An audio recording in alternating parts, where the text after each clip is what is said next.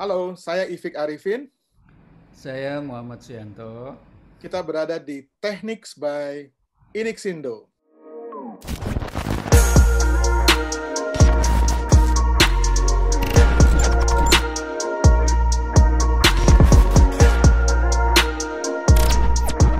Halo Pak Profesor Suyanto, apa kabar?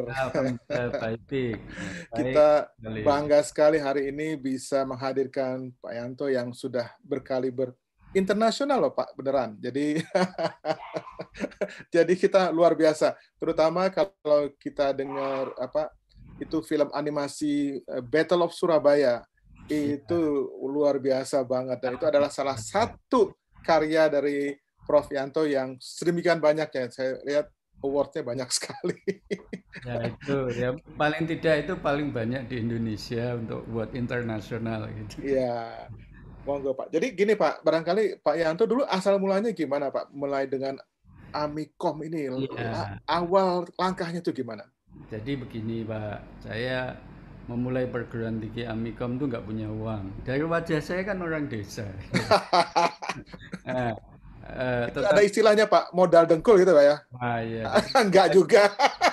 Enggak mulai perguruan tinggi tanpa uang, bisa dikatakan hmm. begitu. Jadi gedungnya saya sewa, belum saya bayar, ya kan? Hmm, bayar yeah. besok gitu. Terbetul, ya. Agustus dan besok bulan September gitu Pak, sewanya yeah. dua tahun. Hmm. Nah itu awalnya dari situ saya buat proposal untuk mendirikan perguruan tinggi gitu. Yeah, yeah. Jadi, nah apa senjata pertama? Biasanya saya S smart in sikap mental positif sebagai landasannya. Ya itu.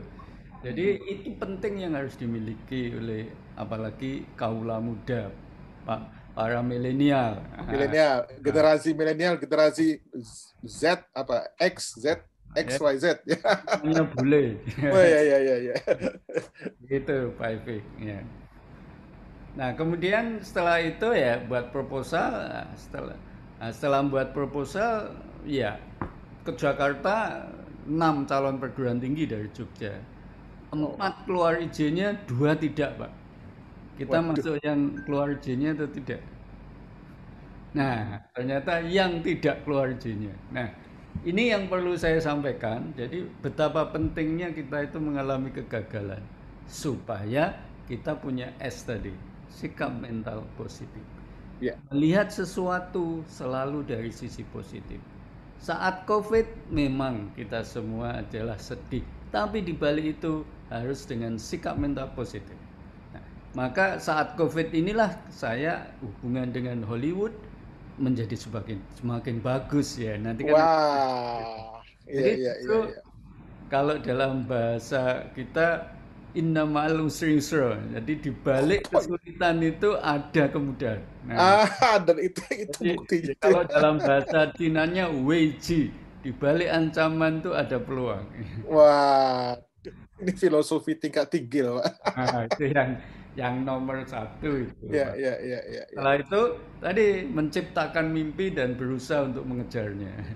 Menciptakan M, ya. mimpi, ya. Jadi mimpi nggak boleh tanggung-tanggung ya Pak. Mimpi jangan yang 100 Pak. Jadi begitu setelah dengan sikap mental positif akhirnya izinnya keluar juga ya? Hmm, alhamdulillah. Alhamdulillah. Jadi saat pertama kali kenapa saya ditelepon oleh dari Jakarta? Ini yeah. nggak akan keluar, Pak. Udah Anda gitu ya. Itu harusnya 12 dosen tapi ini tiga dosen cuma yang kita akui. Jadi saya tak nggak mau tahu pokoknya besok jam 11 siang sudah ada tambahan 9 dosen. Wastaga. Nah, selama satu tahun cuma tiga dosen. Nah ini satu hari harus 9 dosen. Berarti apa? Hmm. Butuh yang namanya energi yang luar biasa. Ya, ya, ya. Ilmu Kerja yang keras. luar biasa. Dan ilmu itu dasarnya sikap mental positif tadi. Wah, ya itu kita belajar Kalau di sini. bahasanya uh, Ki apa ya? Bahasa Jermannya Pak, bahasa Jermannya apa tadi? Iya, Ki Hajar Dewantoro. Oh, Ki Hajar Dewantoro. Itu namanya Neng Ning Nung Nang. Wah. artinya artinya apa Pak? itu adalah kita dekat dengan Tuhan kita. Udah, semua urusan dunia mudah. Nah, menang. Gitu. Insya Allah mudah ya, ya Pak. Nah, menang ya. Nah itulah ya ketika selesai sholat duhur, nah itu Tuhan seperti memberikan ini loh caranya. Jalan. Ya. Nah caranya saya ke UGM yaitu cari buku alumni itu pak. Ya. Kemudian buku saya alumni. ngetik, ya, sekretaris saya yang ngetik satu tumpuk itu. Saya datangi ke rumahnya, besok jam 11 sudah harus 11. itu ilmu luar biasanya di situ. Nah, loh, Pak Yanto, kok kenal? Loh, aku dulu pernah ikut seminarnya Pak Yanto. Ya udah, jadi dosen. Oke, Pak. nah, itu kan. Saya pernah ikut achievement motivation training. Dosen ya? Oh iya. Oh, Mas Yanto loh, aku muridmu Primagama. Begitu besok jam 11 dapat 9 dosen, Pak. Alhamdulillah. Saya keluar, yeah. saya kirimkan ke Dikti lewat fax. Alhamdulillah izinnya keluar. Keluar izinnya. Nah, nomor satu tadi sikap mental positif. Itu optimis yang, selalu ya Pak, positive thinking. Selalu. Jadi di balik apa pun pasti ada setitik ses yang luar biasa. Ada jalan disediakan. Ada jalan. Selalu ada. Tidak ada Tuhan itu tidak memberi jalan. Ya, saya ingat Pak ada kata-kata bilang orang mengapa mengeluh seribu alasan, padahal dia hanya butuh satu alasan untuk jalan baik, ya Pak ya. ya. Ya, gitu. Nah, Lalu yang kedua tadi Pak Ivi katakan M menciptakan mimpi ya kan. Ya. Begitu dapat izin mimpi saya apa? Menjadi perguruan tinggi komputer terbaik di Indonesia. Apa tidak semua orang tertawa? Tertawa dong Pak, kan di situ saingannya banyak. Gedungnya aja kecil, rumah sewa belum dibayar lagi udah berani wah saya dina ini. Oh. Alah Pak Yanto, Pak Yanto, lewat gedung aja petok, petok, petok itu bahasa Jawa. Apa itu Pak? Bunyi ayam, petok. Oh, bunyi ayam. Nyampur sama ayam ya Pak? Tahu ayam aja lah. Gedungnya jelek kayak gitu, komputer terbaik, komputer terbaik di Indonesia ya. Ya, ya, Terus ya, ada ya. yang ngomong Amikom, Akademi Mini Kompo. Saking kecil gedungnya, Pak. Astaga. Enggak, enggak, enggak. kenal yang namanya Mas Kelik Pelipur Lara yang jagonya plesetan itu. Ya, ya, ya. Langsung ya. akademi mirip kos-kosan Mas. Pokoknya penuh penggunaan, Pak. Tapi itu jadi penyemangat ya, Pak ya? Jadi penyemangat ya. Betul sekali ya. Ada satu kata sebetulnya, kalau kita sudah dicaci maki, dihina, tapi neng meneng, Menang. kita ikhlas, maka kita menjadi manusia yang teraniaya. Waduh. Kalau sudah teraniaya, doanya mudah dikabulkan. Amin. Asik banget. 20 tahun kemudian, 25 tahun kemudian, baru ya. 2009 lewat QS, QS Star itu, tentang yeah. rating perguruan tinggi komputer di Indonesia Mamikom ratingnya 3 Binus ratingnya 2 jadi kan nomor satu di Indonesia wow 25 tahun wow itu di 25 tahun kita itu harus punya disampaikan Pak Efik tadi punya yeah. mimpi yang tinggi Ya, ya. Nah. Ya Pak, orang kalau mimpi jangan tanggung-tanggung. Namanya juga mimpi kan. Jadi jangan jangan mau mimpi jadi apa gitu misalnya yang iya. yang kurang tinggi. Kita setinggi mungkin mimpi itu ya Pak. Jadi setinggi langit. Kalau ya. jatuh masih di awan, Pak. Betul. Gatot kaca, Pak. Astaga. Eh, lalu Pak, setelah itu eh, nah, kita bagaimana M, muncul ide ya, ide-ide. Setelah M ambil langkah, ya kita harus melangkah. Kalau saya biasa melangkah itu tanpa uang tunai. Jadi saya biasa berbisnis dengan itu ya. Okay. apa. Nah ini nanti dibahas nanti bahasnya entrepreneurship. Entrepreneurship. Tapi nggak apa satu aja. Jadi mm -mm. Uh, misalkan untuk perguruan tinggi itu pembayaran di muka dan pembayaran di belakang. Mm gedung, eh, peralatan, kursi, komputer, semuanya bisa dibayar di belakang. Hmm. Mahasiswa bayar di muka. Di depan. Ah. Ada selisih dong, Pak. Ada selisih waktu itu yang kita mainkan. Iya, iya, iya, iya. Ya. Itulah cara saya ini kisahnya orang entrepreneurship ya Pak. Tapi memang entrepreneurship itu merupakan satu jiwa yang harus diterapkan oleh orang-orang yang ingin berwira swasta Pak. Iya. Dan hmm. rumusnya nomor satu tadi sikap mental positif. Ya. Positif, ya, ya, ya, ya, ya. Asik banget. Ya ini untuk terutama kan sekarang anak-anak muda banyak yang bercita-cita punya startup, coba ya. Iya, dengan senang hati. Nah. Ajari nanti. Ya, ya. Karena ini memulai dari nggak punya apa-apa kan. Iya, iya, iya, iya. Kemudian rahasianya smart kan. Smart. Apa? Pasti kita menemukan sesuatu yang berbeda. Hmm. Ya. Jangan sama. Kalau sama kita nggak akan dikenal. Nggak, nggak dilirik. Startup. Nah, contohnya uh, waktu pertama kali Amikom yang masih kecil itu, Pak. Iya. Dengan gedung sewa yang belum dibayar itu, saya yeah jangan kalau prodi itu kan semua sama. Ya. Bagaimana untuk membedakan konsentrasinya? Hmm. Nah, kita ketika itu membaca konsentrasi e-commerce itu sekitar 17 25 eh, tahun yang lalu ya, Pak. Iya. Wah, ya. Masih masih kata asing tuh Pak e-commerce saat itu. Asing itu pun juga kita komputernya masih dial up itu ya. Terus kadang-kadang tidak.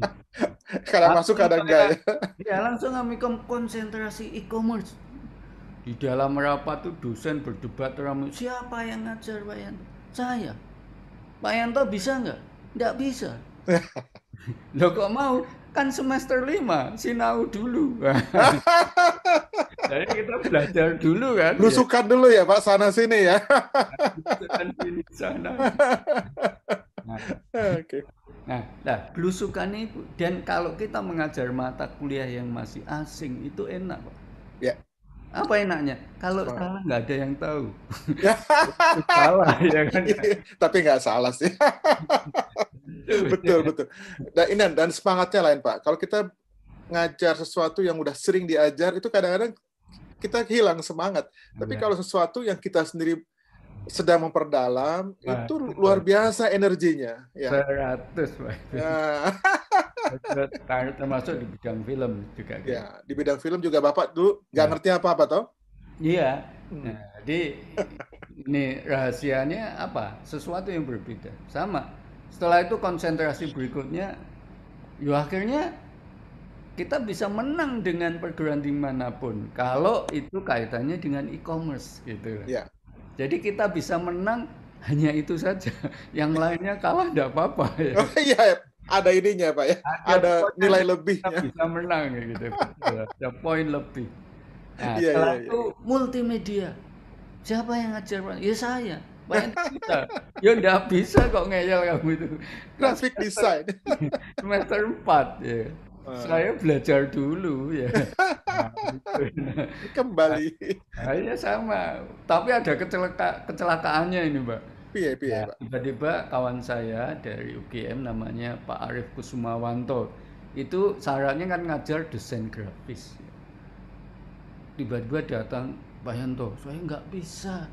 Saya itu disuruh sekolah ke Jerman. Wah itu yang mau Pak efek tepat.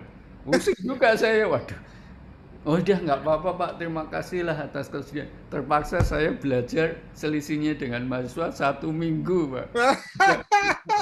Mau belajar, setelah itu tiba-tiba saya mengajar, ada yang tanya, Pak, katanya kunci desain grafis itu kolase dan montase. Menurut Bapak bagaimana? Waduh. Waduh. Tapi kan kita dalam bahasa Jawanya kan dalang. Ya, Pak. Betul sekali kata kakakmu itu. Tapi kalau hari ini aku ajarkan, kamu nanti bingung. Dalam hati saya, wong aku ya bingung. Oh, nggak ngerti, apa itu ya? Wong belum belajar. Minggu depan kita ajari kolase dan montase. Setuju? Setuju. Ya. Nah, itu kisah. Harus pandai berkelit ya, Pak. Namanya juga dosen. Nah itu, jadi rahasianya sesuatu berbeda. Maka sama halnya kalau Amikom sekarang. Amikom ya. sekarang apa? Perguruan tinggi generasi keempat. Wow. Kenapa? Supaya enggak loh. Kita itu mencari sesuatu yang orang lain belum. Enggak punya, spesial. Ya, ya, ya. Generasi keempat, otomatis ya juara Indonesia Kenapa? Nggak punya musuh, Pak. Ya. Nggak ada kompetitor ya, Pak ya? Nggak ada. Nah, yang lain generasi dua, generasi hmm. tiga, kita generasi empat. Kita yang cari yang nggak punya musuh ya. ya supaya ya, ya. Supaya menang. Supaya menang. Semakin sedikit musuhnya, semakin kan menangnya semakin besar ya, Pak.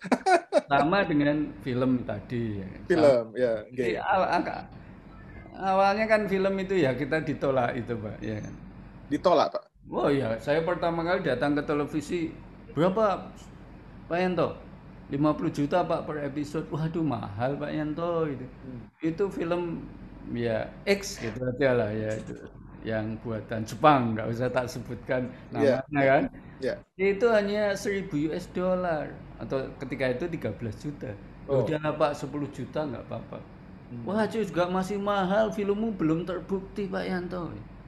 Ya udah ditayangkan Pak, nggak usah dibayar, nggak apa-apa. Udah untuk iklannya Mikom. Hmm. Nggak bisa Pak Yanto.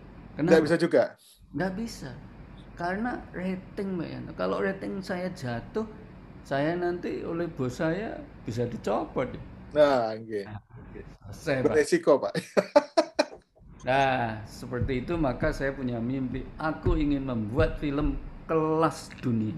Hmm. Nah, jadi kayak begitu cara ber, bermainnya saya. Bu caranya gimana ya? Begitu kita otak kita tadi punya mimpi seperti itu, Tuhan itu seperti menunjukkan jalan. Dek, dek, dek, dek, dek, dek. Seperti kita puzzle satu satu satu. Ya ditunjukkan aku ketemu Disney, aku ketemu caranya begini membuat film. Nah gitu Pak. Nah, jadi sesuatu luar biasa. Jadi itu cara saya dalam membuat film kayak begitu. Jadi pertama kali bagaimana supaya ceritanya kelas dunia. Saya belajar cerita dan akhirnya bisa terbitkan buku di Oscar winner book office The Secret of Screenplay dan udah saya buktikan 40 international award tidak kelas dunia, apalagi di Hollywood menang. Nah, nah. Mau apa lagi? ya, saya di, dikirim oleh, ya saya terima kasih oleh Kemendikbud, dikirim ke Hollywood saya. Terus saya ke Silicon Valley sekalian. Nah, karena ya, ya. menang filmnya di sana dan ya. itulah pintu saya bisa masuk Hollywood. Pak Yanto, saya jadi ingat satu kata-kata yang bilang begini, kalau kita itu bekerja keras menuju sesuatu, maka tidak ada luck, tapi adalah kerja keras bertemu dengan opportunity sama dengan luck gitu ya. Jadi keberuntungan itu bukan datang dari langit begitu aja ya Pak, tapi memang harus dicari dan ketemu gitu kan, ketemu partner, ketemu uh, Hollywood, ketemu siapa lagi Pak? Banyak kan uh, ya. orang badan-badan internasional itu. Memang, uh, jadi waktu saya juga nakal ketika itu oleh Kemdikbud film ya kan Yeah. Ketika itu kan Battle Surabaya kan menang, sudah punya yeah. 10 penghargaan internasional. Award. Uh, waktu yeah. mau ke Prancis itu nggak dibawa gitu loh. Terus saya bilang, saya telepon, ini ibu ini nggak dibawa betul, nggak apa-apa. Tapi ibu awas loh ya, kalau ini nanti ada di bootnya Malaysia. Bisa begitu. Iya. Yeah. Nah, akhirnya dibawa, Pak. ya rada ngacam sithik. itu, itu ancaman halus ya, Pak. Tapi emang betul juga sih kalau di sini nggak bisa ya ada jalan lain ya, Pak. Harus punya bargaining power tidak boleh. Ya, bargaining nah, power. Di Perancis inilah saya baru tahu cara jualan film itu gimana. Hmm. Saya kan biasanya ibaratnya jualan perguruan tinggi gitu, Pak. Betul, nah, betul. Jualan film ya. Beda, Pak. Iya, sangat berbeda. Hmm. Tapi prinsipnya sama satu silaturahmi. Nah, gitu. Oh, oke. Okay. nah, kebanyakan mereka cara jualannya orang Indonesia nunggu di boot. Kapan lakunya kalau di boot? Nunggu durian runtuh namanya, Pak. Ya, nunggu durian runtuh. Gak runtuh-runtuh, Pak. Ya kan? Gak runtuh-runtuh.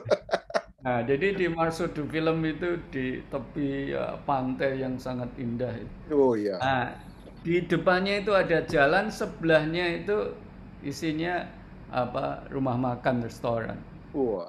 Nah, nama saya ada restoran yang para bintang film top tuh datang ke situ. Namanya Majestic Bar. Hmm. Nah, saya datang ke sana apa, Pak? Nonton daftar menu dan harganya berapa? Kuat orang bayar di situ ya karena saya bawa eh, partner saya empat gitu ya. kan. Nah, ternyata nggak mahal, Pak. Ya, kan? Oh gitu. Kalau bawa satu ya paling se- eh, 100 euro lah. Bawa Hmm, empat hmm. 400 euro ya kalau sekian aku masih bisa bayarin. lah. Masih bisa, masih bisa. Nah, ini sebetulnya. Jadi kalau di booth paling 10 menit, setengah jam karena tamunya kan banyak. Betul, Nggak bisa deal. Nggak konsentrasi. Saya ajak ke res nah itu Restoran termahal. restoran termahal kalau para bintang film Hmm. makannya di situ sambil dia juga yang lihat oh iya bintang top itu produser top nah, ada di situ semua ya Dulu zaman siapa yang top Pak bintang film di situ? Masih ingat? Eh, yang datang itu kalau nggak salah ya eh salah Russell Crowe kalau nggak salah itu Oh, oke Nah, oke. kemudian Russell Crowe ya. Kim Kardashian itu kalau nggak salah Waduh. Seksi itu, Pak. terus kalau yang cowok ada Ben Affleck kemudian Oh, oke oke. apa saya ya Iya iya. Ah, iya. oke di situ itu hebat-hebat toh Hmm. apalagi aktor Prancis sendiri ya banyak ya Oh Inggris iya, iya, banyak iya. bahkan kalau yang dari Eropa banyak sekali Banyak sekali. Iya, Ah. iya, iya. Itu udah tak ajak makan pak wah nek makan itu ngomongnya kan bisa 4 jam dan mereka nggak akan ngusir kita pak nah Nah, kita nggak takut kemahalan, Pak. Tambah lama, tambah banyak pesanannya gitu.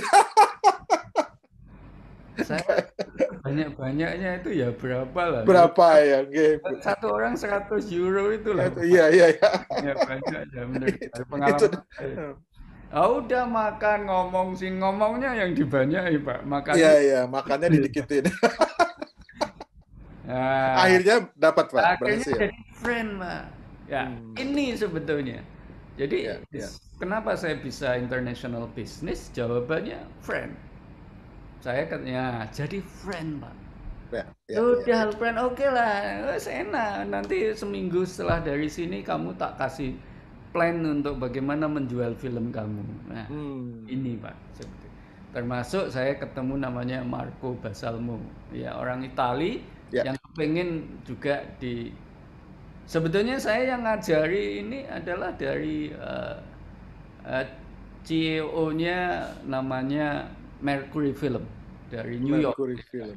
Hmm. dia kan dari New York si Marco nah dari, dari sini sebetulnya awalnya udah jadi friend semua udah kirim-kiriman email dan sebagainya ada tindak lanjut hingga sekarang Deal. Marco ketemu eksekutif produser Hollywood eksekutif produ Hollywood ini punya kawan banyak sekali Hmm. kalau misalkan dalam bidang apa ya story itu ada David Reynolds yang saya kenal yang kerja sama dengan kita itu penulisnya Finding Nemo. Woi. Kalau siapa yang nggak tahu ya? Nah, siapa yang nggak tahu? Siapa yang nggak Ada tahu? Nick Camacho. Nick itu siapa? Visual visualnya efek film Beauty and the Beast. Wes. Nah, siapa nggak tahu ya? Ternyata dia orang yang.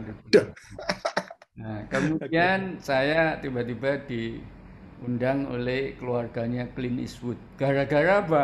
Ya Hmm. pengalaman di Prancis. Jadi saya Oh. ketemu di restoran. Ya, saya bilang, this is our treat. Ini kue tak traktir. Terakhir, gantian, gantian ya. Itu namanya Alex ya, Alex Alexander Wright gitu kan. Hmm. Nah, suaminya Francisca Eastwood nih. Setelah itu Hmm. diundang ke rumahnya, Pak. Waduh, mewah Pak rumahnya. privacy lah ya kan saya Di Californianya di mana tuh Pak? apa Californianya eh, di mana? di, di Hollywood ya di Oh di Hollywood. Iya iya iya iya. Ya. Beverly Hills Beverly Hills. Rumahnya di sana begitu aku keluar mau pamitan tuh ketemu Sylvester Stallone Waduh. baru lewat ya kan. Peluk Pak, dipeluk dulu. Oh, dipeluk enggak, nggak? baru lewat naik mobil ya. Pak. Oh, naik mobil. Kirain Bapak peluk tadi. Badannya kan gede, Pak. Ya, saya ya, itu kalau saya awalnya ketemu namanya Manu Gar, Manu Bugi. Terus akhirnya saya dikenalkan juga eh, eh, produsernya Superman Return, Jill Oke, Adler. Nah, Superman. gitu Pak. Jadi, Jadi, modelnya Sambung menyambung ya, Pak. perkawanan, ya, perkawanan. Ya, Jadi ya, ya. bisnisnya ya bisnis bisnis ini Ya, ya. gitu. Jadi kalau tiba-tiba kita nembus Hollywood, wah belum kenal, ya sorry, Nggak, dilirik pun enggak ya, Pak? nggak dilayani. Jadi harus ada sejarahnya menjadi friend dulu, Pak. Iya, iya, Nah, iya. iya. kalau sekarang kita ngerjakan proyeknya Kevin Costner.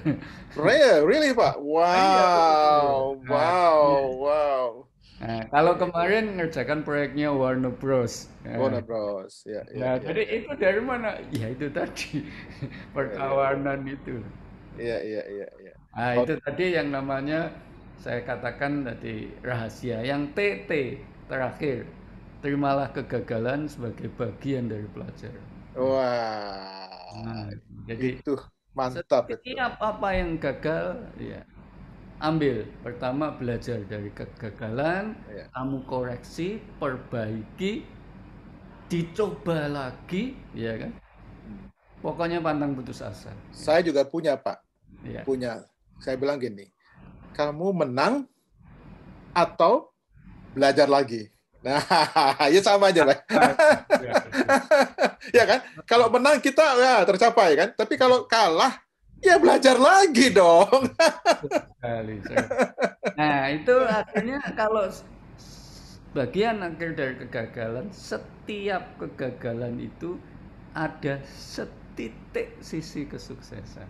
Nah, Maka orang harus menemukan yang hanya setitik. setitik itu Tapi itu sebetulnya langkah modal kita berikutnya. Asik tuh.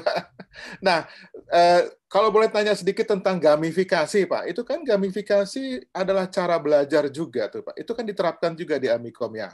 Ya, termasuk di ya dunia pokoknya. Karena kita punya filosofi adalah enjoyment culture. Nah, Enjoyment culture. enjoyment culture itu yaitu budaya ya kamu itu mau berangkat kantor itu kalau bisa enjoyment lah. Ya, minimal kayak saya tersenyum sampai pipinya deki nah, itu Pak. Itu kebanyakan makan bakso, Pak. Mulutnya gede. Jadi itu enjoyment culture itu harus dimiliki Ya. di budaya kita sehingga ya ya nggak apa-apa pokoknya kamu itu ya ar- larinya game dalam art game digunakan di dunia atau Pembelajaran. perusahaan atau di Edukasi. edukasi Ya, jadi karena pokoknya intinya arahnya ke budaya pertama yaitu enjoyment culture kalau enjoyment itu lebih dekat dengan uh, fisik biasanya ya. Naik lagi ya, yang saya sebut sebagai learning culture. Nah jadi budaya belajar. Kamu harus terus belajar. Pak Yanto itu orang fisika. Ya. tapi di film udah 40 international award ya mari kita bersaing jumlah awardnya Pak gitu ayo, ayo. Ayo, ya. Lifelong learning, Pak. Lifelong learning. Nah, lifelong learning. Nah, ini Ya, ya. kita harus karena kalau kamu sudah belajar itu pasti kamu akan berikan sesuatu pada orang lain. Ya, Nah, jadi sesuatu yang bermanfaat. Ya, kalau orang itu enjoyment itu akan bahagia kan, memberi kontribusi itu juga Nah, kebahagiaannya. Bahkan kadang-kadang kan punya kalau punya prestasi itu kan eh, apa ya kebahagiaan jangka pendek. bangga juga. Kalau kontribusi jangka panjang. Ya, ya, ya. Tetapi Jadi- kalau budaya yang berikutnya caring culture, budaya Caring. Setelah learning nih, Pak. ya. Caring. Setelah itu ya kamu dengan orang lain itu hanya satu kata kunci, berbuat baik. Udah. Dan sikap mentalnya positif melihat orang. Compassion ya, Pak. Nah, Compassion. compassion, betul sekali. Kalau itu adalah kebahagiaan yang abadi. Badi. Aduh. Iya, Pak. Jadi Nah. itu emang sul akhirnya, terakhirnya budayanya Amikom yang berkait itu hmm. purpose culture ya kan. Ya itu apa, itu, Pak? Apa? Bahagia. Ya? Bahagia. Iya. Tujuannya hanya kepingin kita itu bekerja di Amikom bahagia. Bahagia. Ya itulah. Jadi belajar yang membuat kebahagiaan ya Pak. Ini saya tersenyum terus Pak. Iya iya ya. Awet muda loh Pak Yanto ini. Iya, karena dari wajahku kan masih 25 tahun tuh Pak. G, Pak G, G. Pak Yanto, kita kan dulu ketemu di ini ya, di Halong Bay ya Pak ya? Di Halong Bay. Halong Bay Vietnam. Kita ketemu dalam rangka APIKTA, APIKTA di Vietnam, Asia Pacific City Award. Hmm. Dan di situ memang Bapak selalu mensponsori murid-murid ya, mahasiswa-mahasiswa untuk berprestasi ya Pak. Nah, kenapa kok cuma segelintir sekolah-sekolah apa tinggi yang punya minat seperti itu Pak? Kenapa kenapa nggak lebih banyak lagi ya kalau saya lihat-lihat ya uh, kita nggak punya terlalu banyak perguruan yeah. tinggi yang berpikir seperti ya, itu. paling ya selain Amikom kalau dari swasta ya kalau PTN itu biasanya ya GM, ITB itu yang biasanya langgan. Mungkin ya. UI dan kalau ya. kalau perguruan tinggi swasta biasanya ya Amikom, ya. ada BINUS, BINUS ada, ya ya Unikom, ada Gunadarma, ya paling ya itu itu saja. Iya iya iya, kenapa tuh Pak? Nah, saya nggak bisa jawab Pak. Gantung kebijakannya perguruan tinggi. Iya. Kalau kita memang kebijakannya UOT itu bagi Amikom adalah reputasi. Paling tidak kita sudah lebih dari 80 international award ya kan. Awardnya banyak nggak apa-apa itu cara kamu hei mahasiswa untuk bisa keluar negeri dibiayai Mikom. Oke. Nah, nah, ini yang mungkin eh, nggak uh, dilakukan oleh banyak perguruan tinggi. Kita setiap tahun ada yang namanya Amikom ICT Award, Amikta. Nah, Amikta. otomatis Amikta. setiap ada Inaita sekarang jadi identik ya 30 kirim lah udah punya gitu. tinggal ambil ada stok ya stoknya ada banyak stok. ya pak. Maka kalau tiba-tiba Pak Efik Pak Yanto gimana kalau malam ini ngirim? Insya Allah siap. Dan itu biasanya kan Aspiluki kayak begitu. Malam-malam tuh okay. pokoknya malam ini harus di Pak Rianto Ghazali telepon ya Pak? Iya, Pak Jarot biasanya. Pak Jarot kan tenang hati gitu okay. waktu di Halong B karena saya jadi Yuri, juri, kemarin juri, ya. konon panitia panitia kita ya. itu nggak boleh ya udah kita nggak ngirim. Padahal kata Pak Hidayat, nggak apa-apa Pak Yanto. Hmm. Ya, kalau nggak kayak begini Indonesia sedikit nanti buatnya. Jadi justru kalau ini pengalaman saya di Halong B ya Pak. Ya. Nah kalau sudah juara satu itu sebetulnya itu yang betul-betul menang. Tapi juara dua, juara tiga, merit satu, merit dua itu hanya dia, ya kan? Ya. Iya tuh pak. Nah, misalkan kita Viet, Vietnam kena apa kalah ya, tapi ya. dia tuan rumah ya udahlah. Ya, merit. Ngomong saya ngusulkan merit. nah, ini rahasia dibuka ya mas. Sehingga iya, iya, iya, iya. harus apa? Tinggi harus ngirim sebanyak banyaknya dan yurinya juga sebanyak-banyaknya. Karena ya. ada yuri di situ itu ya merit lah kan sudah lumayan, Pak. Iya, iya, iya, dan itu award, Pak. Oh, International award itu walaupun merit juga. Nah, itu itu katanya Pak Hidayat begitu ya kan. Oh, okay, okay, Saya okay, rasa ini ini penting ini supaya ya, digunakan. Ya, ya. Jadi kalau bisa kita jadi yuri sebanyak-banyaknya yuri. Iya, iya. Supaya ya. apa? Di masing-masing itu kalau kita zuri kok kita ada di situ ya harapannya dapat merit lah gitu. Iya minimal minimal. Tapi ya nomor satu lah. Ya, bisa, bisa. Nomor satu. Kita, kita mimpi juga, lagi nomor ya, satu. kita yang nomor satu juga akhirnya biasanya menjadi produk. Ya, Battle Surabaya itu kan dulu juga pemenang kan pemenang. ya. Pemenang, ya, ya, ya, ya kan. Setelah ya. itu ya. kita bawa mendunia dan alhamdulillah berhasil ya. Saya rasa hebat pak. Saya salut banget. Uh, apalagi apalagi apa nanti kita di Kuala Lumpur ya. Saya ada pandemi jadi agak diundur tuh. Aktif oh, yeah. Award ya. ya Tapi itu, Iya, pokoknya saya udah siap mau berapa produk gitu, Pak. Nah, mereka lagi rapat sih katanya lagi lagi memperbincangkan tentang apa eh, realisasi di pandemi ini gimana caranya. Mungkin mungkin online gitu ya. Jadi jadi mereka tetap mau, mau, mau mengadakan Apikta itu tetap sih niatnya tetap Ya. ada gitu. Cuman sayang ya Pak kalau kalau kalau misalnya online begitu kita kan nggak ada kesempatan jalan-jalan di negara Asia Pasifik ya Pak. Oh, gitu ya. Iya kan Nah, saya mahasiswa udah juga mutar-mutar ya, Pak. enggak untuk mahasiswa loh bukan untuk Pak Yanto. Ya, Untuk mahasiswanya. Iya. itu kan ini sendiri ya Pak, apa namanya satu experience sendiri yang berkesan gitu ya. Betul. Apalagi yang belum pernah keluar negeri barangkali ya Oh, untuk iya. melihat uh, dunia dari dari pandangan yang berbeda gitu. Oh di sini tuh begini, di sini begitu Ah, gitu Pak ya. Pak. Iya, iya. Ya, Oke. eh, kita kan juga langganan ya untuk menang di Korea, menang di Taiwan, Oke, dan Iya, banyak iya, iya. merit itu ya. Iya, Kalau iya, Holong B memang kita nggak boleh ngirim, Mbak. Ceritanya gitu. ya itu dia salah Jadi, paham Itu, atau itu harus kata Pak Dian, oh nggak gitu Pak Yanto. Ah, ya. Ah, Kita itu harus kirim sebanyak-banyaknya supaya Oke. apa? Ya supaya kita meritnya banyak, winnernya juga banyak. ya, ya, ya. Oke, Pak Yanto nggak sadar ya kita udah lebih dari 30 menit loh Pak. Ini Tidak apa-apa. Asik kita, ada apa-apa. Ah, kapan saya boleh main ke Jogja ya Pak ya? Oh, kapan-kapan Ah, Iya, kan? kita- nanti kita cari restoran yang paling mahal dan Pak Yanto yang saya undang nanti ke Oh sana. iya, enggak. Supaya bisa ngobrol berjam-jam.